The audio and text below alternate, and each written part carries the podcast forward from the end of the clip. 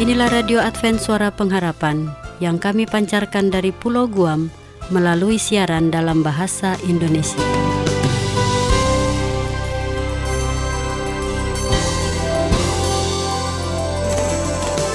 Salam sejahtera kami ucapkan kepada pendengar setia kami di mana pun Anda berada.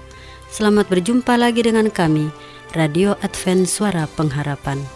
Dengan senang hati kami akan menemani Anda dengan acara yang telah kami persiapkan bagi Anda dan keluarga.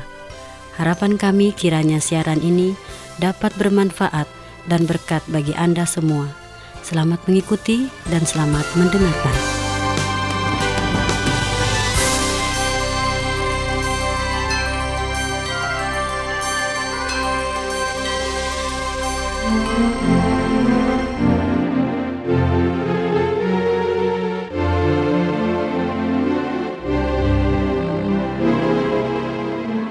Saudara pendengar yang setia Radio Advent Suara Pengharapan Saat ini tibalah kita di acara kesehatan. Besar harapan kami agar program acara ini boleh menambah pengetahuan kita semua. Karena kita tahu bersama bahwa di dalam tubuh yang sehat terdapat jiwa yang kuat. Namun sebelumnya mari kita mendengarkan lagu pujian yang berikut ini. Selamat mendengarkan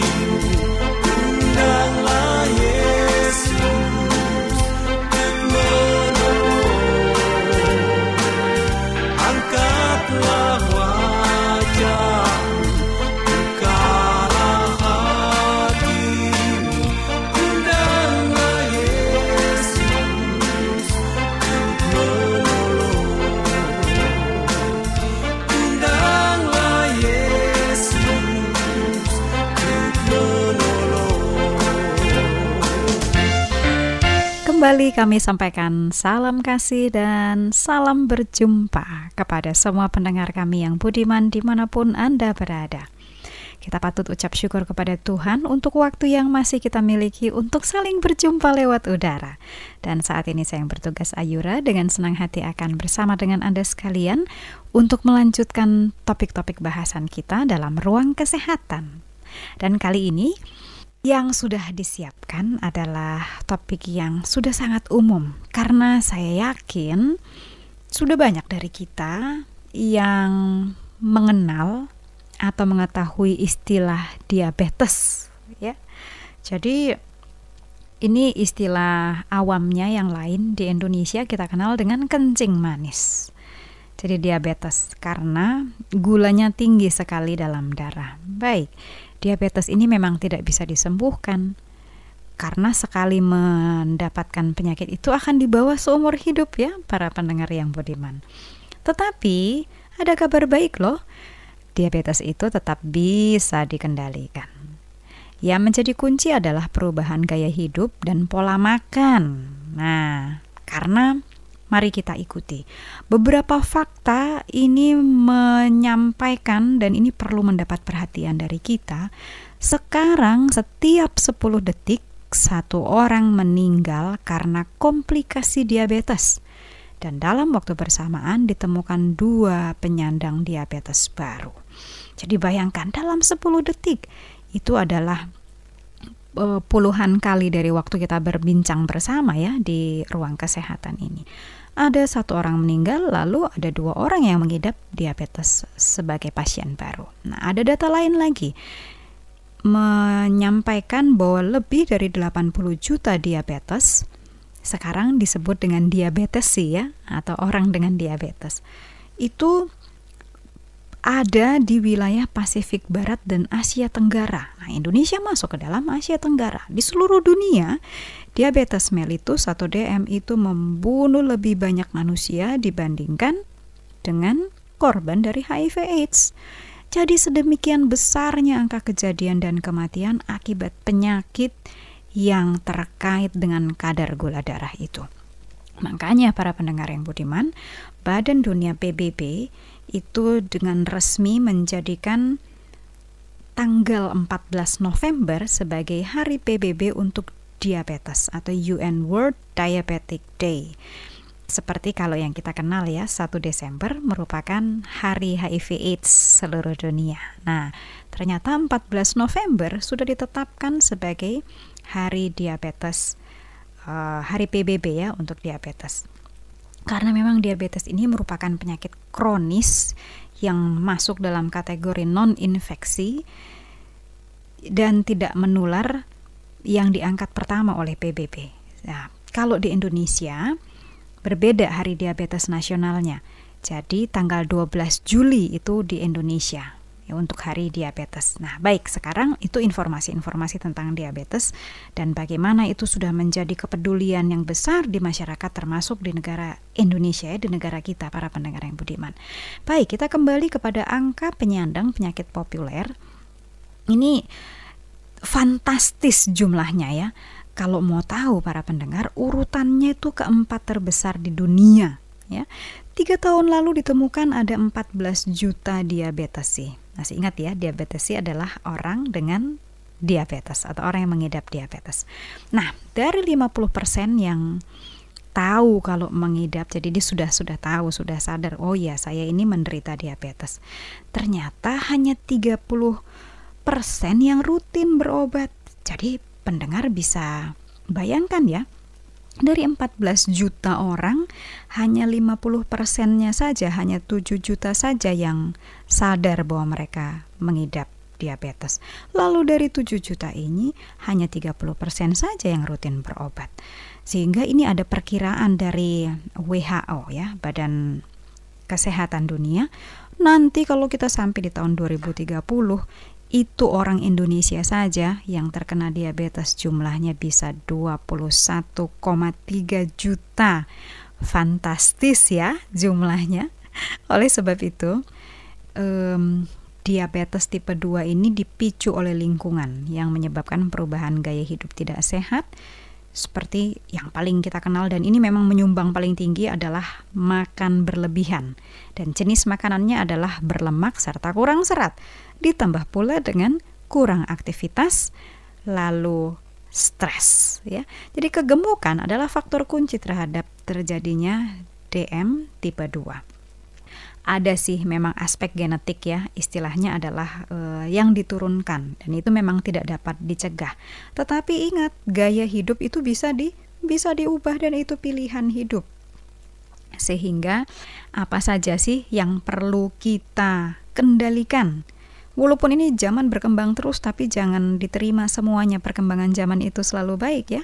Contohnya, menu-menu junk food yang tinggi kolesterol itu harus segera di hindarkan. Lalu dihentikan konsumsinya.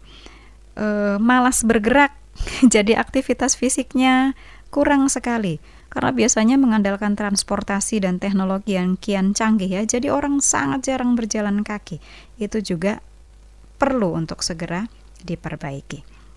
Biasanya yang kita kenal, orang yang kena diabetes itu di atas 40 usianya.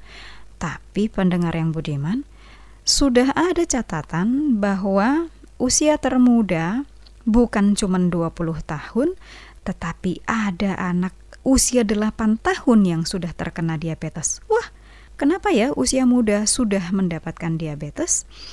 Karena itu tadi, pola hidupnya tidak diatur, pola hidupnya tidak disesuaikan dengan apa yang sebetulnya menjadi kebutuhan manusia. Nah, baik, oleh sebab itu, bersama dengan ruang ini juga, saya mau menghimbau semua pendengar kami yang budiman, supaya kita bukan hanya peduli, tetapi betul-betul berupaya untuk menghindarkan supaya tidak terkena diabetes karena kalau sudah terlanjur kena bukan cuma sulit mengobatinya, biayanya pun mahal. Dan biasanya yang dialami oleh banyak orang komplikasinya itu yang parah ya. Contohnya saja, pembuluh darah dan saraf rusak. Lalu infeksi, biasanya gangren terjadi pada kaki sampai banyak kasus harus diamputasi. Gigi bisa goyang atau tanggal, terjadi hipoglikemi, kadar gula darah terlalu rendah, para pria bisa mengalami impoten, uh, semua orang terpredisposisi untuk penyakit jantung, stroke, bahkan kebutaan. Nah, tetapi ingat lagi bahwa ada kabar baik dan bentuk penanganannya adalah yang bersifat mencegah, sehingga jangan sampai terkena diabetes. Oke, itulah para pendengar yang budiman, himbauan kami tentang diabetes. Pada pertemuan-pertemuan berikutnya, kita akan ikuti lagi beberapa hal tentang yang berhubungan dengan diabetes ini. Terima kasih untuk perhatian Anda. Kami sangat berharap ini bermanfaat. Dan mari kita tetap hidup sehat, supaya rahmat Tuhan boleh terpancar dari kehidupan kita. Tuhan memberkati kita semua.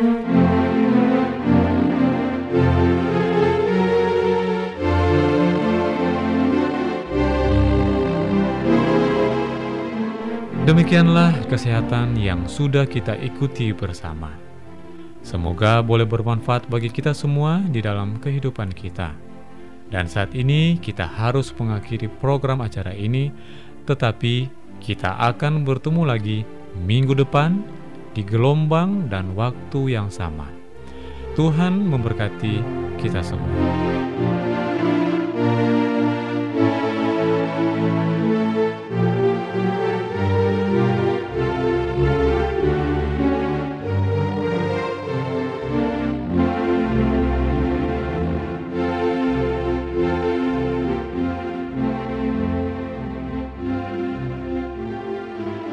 Selanjutnya mari kita mendengarkan mimbar suara pengharapan. Angkatlah diri dan bunyikanlah Yesus mau datang segera. Nyanyi musafir dan pujikanlah Yesus mau datang segera mimbar suara pengharapan dengan topik pembahasan memuji saat bernafas. Selamat mendengarkan. Bangsa marah itu tandanya Yesus mau datang segera bertambah-tambah. Yesus mau datang segera, datang segera, datang segera. Yesus mau datang segera. Salam saudaraku yang diberkati Tuhan. Kita patut bersyukur saat ini karena kita diberikan kesempatan untuk mendengarkan sabdanya dalam acara Mimbar Suara Pengharapan bersama saya Pendeta Togar Simanjuntak dengan judul pembahasan kita Memuji Saat Bernafas.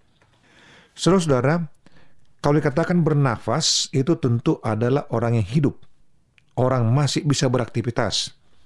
Kalau Anda tidak bernapas lagi berarti sama artinya anda sudah mati, tidak bisa beraktivitas. Nah, dikatakan memuji saat bernapas, Anda saat kita beraktivitas. Nah, sering terjadi kita memuji-muji orang di saat dia sudah mati. Kita puji, kita angkat, kita suruh hebat-hebat. Tapi di saat dia masih hidup, kita kerdilkan dia, kita memberikan dia suatu hal yang luar biasa, di mana dia tidak ada apa-apa bagi kita. Raja Daud katakan dalam Mazmur 150 ayat yang ke-6. Firman Tuhan berbicara, biarlah segala yang bernafas memuji Tuhan.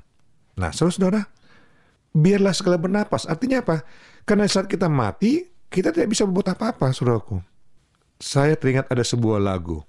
Ya, lagu biasalah di Tanah Batak.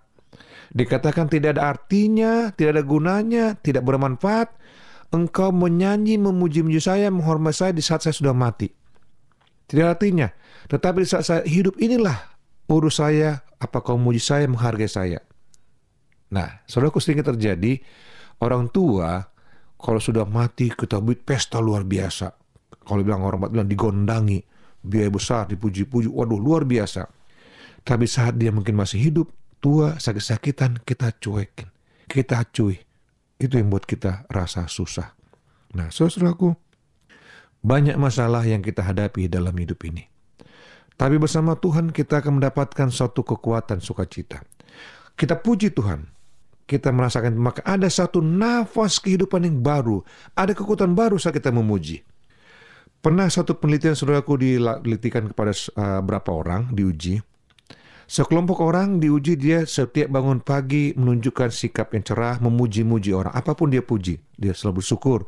Makan, oh terima kasih makanannya sudah enak. Terima kasih pakaiannya sudah setrika. Terima kasih saya pakai baju ini. Terima kasih saya, bisa naik angkot. Terima kasih saya bisa telepon Anda. Selalu mengucapkan terima kasih. Walaupun itu mungkin hal-hal yang kelihatannya kurang baik. Selalu mengucapkan terima kasih. Lalu sekelompok lain diuji setiap mobil selalu bersungut-sungut. Apaan sih nih makanannya? Apaan sih pakaiannya nih? Pokoknya dia mengucapkan kata bersungut-sungut. Ya, tidak pernah memuji. Selalu mengkritik, menghujat, bersungut. Saudaraku, apa yang terjadi? Setelah tiga bulan, saudaraku, setelah tiga bulan, kondisi kesehatan orang-orang yang suka memuji ini kondisi kesehatannya semakin lebih baik dan lebih sehat.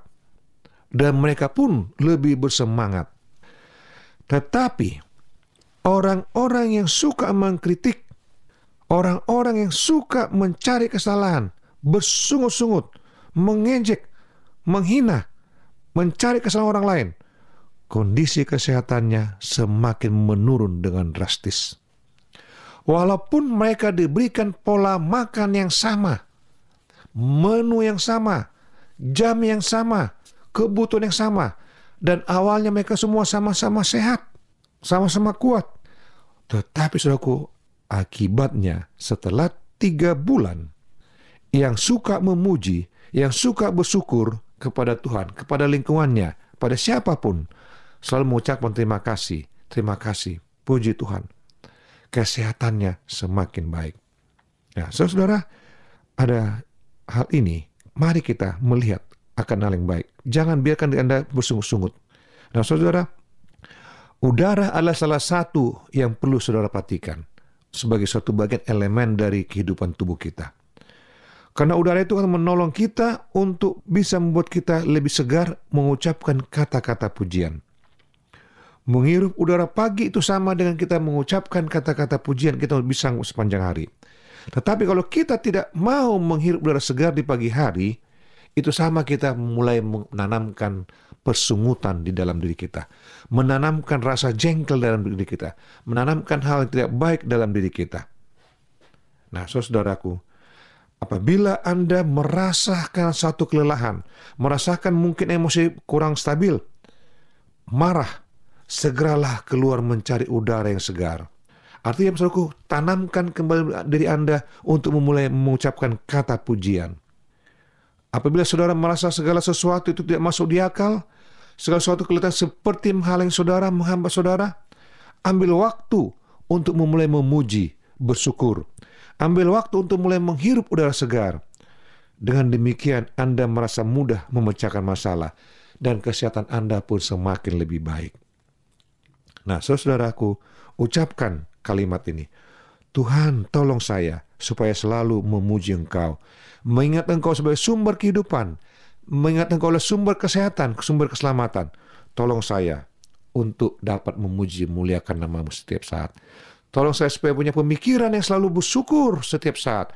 Tolong saya bisa menerima apa ada di sekitar saya dan berikan ucapan syukur. Nah, saudara, sering kita tersenyum, ya, ataupun tertawa atau cita jika kita diberikan hal yang baik kepada dari orang pada kita. Kita tersenyum. Tapi yang lain di luar itu kita bersungut-sungut. Ya. Sering kita harus tersenyum karena saya sudah diberikan yang baik. Udah saya rasa berikan baik. Senang. Tetapi coba saudara balikkan. Kita tersenyum karena kita melihat segala sesuatu semua itu memang baik dan patut disyukurin. Dan kita tersenyum, ucap syukur. Maka saudara akan merasakan itu sebagai bagian kehidupan Anda yang begitu sukacita. Anda akan lebih sehat, lebih bersuka cita. Ingat tadi katakan, biarlah segala yang bernafas memuji Tuhan. Kalau Anda sudah tidak bernafas, maka Anda tidak bisa memuji Tuhan. Artinya Anda pun tidak bisa berbuat apa-apa. Nah, saudara-saudaraku, saat ini jika Anda mau didoakan, ada hal-hal mau didiskusikan mengenai bagaimana kita memuji nama Tuhan, memuji kehidupan sehari bersikap untuk uh, memberikan satu puji-pujian, bersyukur, dan Anda ingin didoakan saudaraku, hubungi kami di 0815 921 3353. Dengan penuh sukacita kami akan melayani dan mendoakan Anda. Tuhan berkati Anda adalah doa dan harapan kami. Salam saudaraku. Hai sekalian yang mengasihi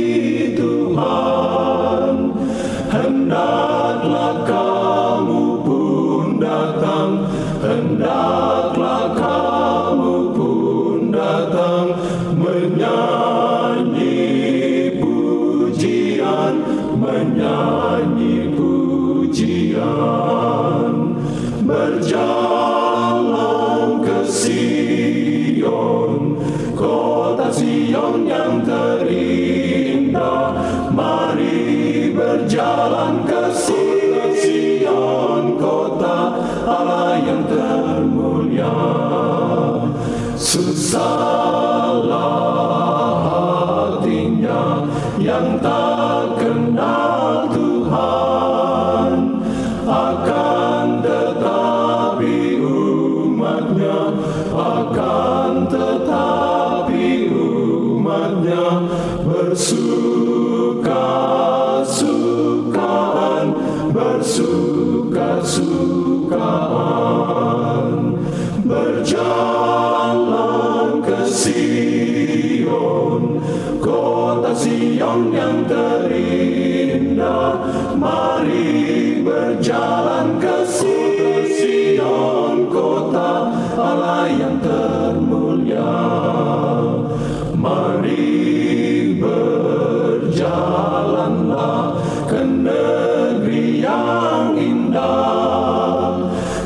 sapulah air matamu sapulah air matamu bersorak-soraklah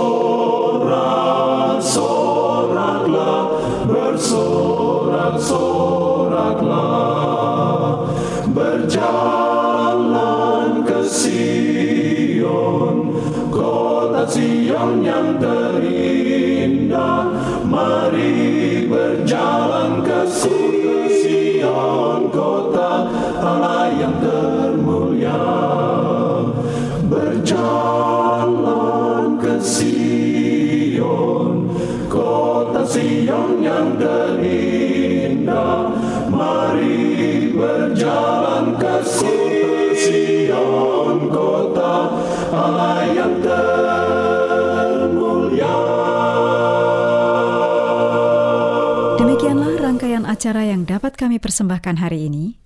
Dan apabila Anda mempunyai pertanyaan atau ingin mendapat pelajaran Alkitab penemuan baru, silakan menghubungi kami dengan cara mengirimkan surat ke alamat Radio Advent Suara Pengharapan, PO Box 8090, Jakarta 12810, Indonesia. Atau telepon ke 0821 1061 1595. Boleh mengirimkan juga email ke awrindonesia@yahoo.co.id. Anda juga dapat bergabung dengan media sosial kami di Facebook Pendengar Radio Advent Suara Pengharapan atau Radio Advent Suara Pengharapan, serta di grup WhatsApp. Para pendengar, seiring berjalannya waktu, kami berharap siaran kami setiap hari menjadi pelajaran bermakna bagi hidup Anda. Kiranya kasih Kristus akan selalu menjadi kekuatan bagi kehidupan kita. Sampai berjumpa kembali esok hari, Tuhan memberkati. Marilah bersuka cita, jangan bersungut-sungut, karena Allah Bapa kita akan diamkan ribut. Tetaplah bersuka cita, menyanyi dengan girang, rajin melakukan kerja kita dengan hati yang senang.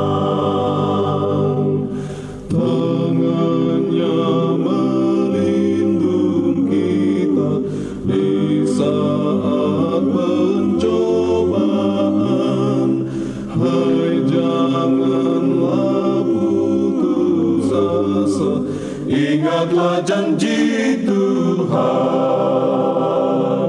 tetaplah bersuka cita menyanyi dengan girang.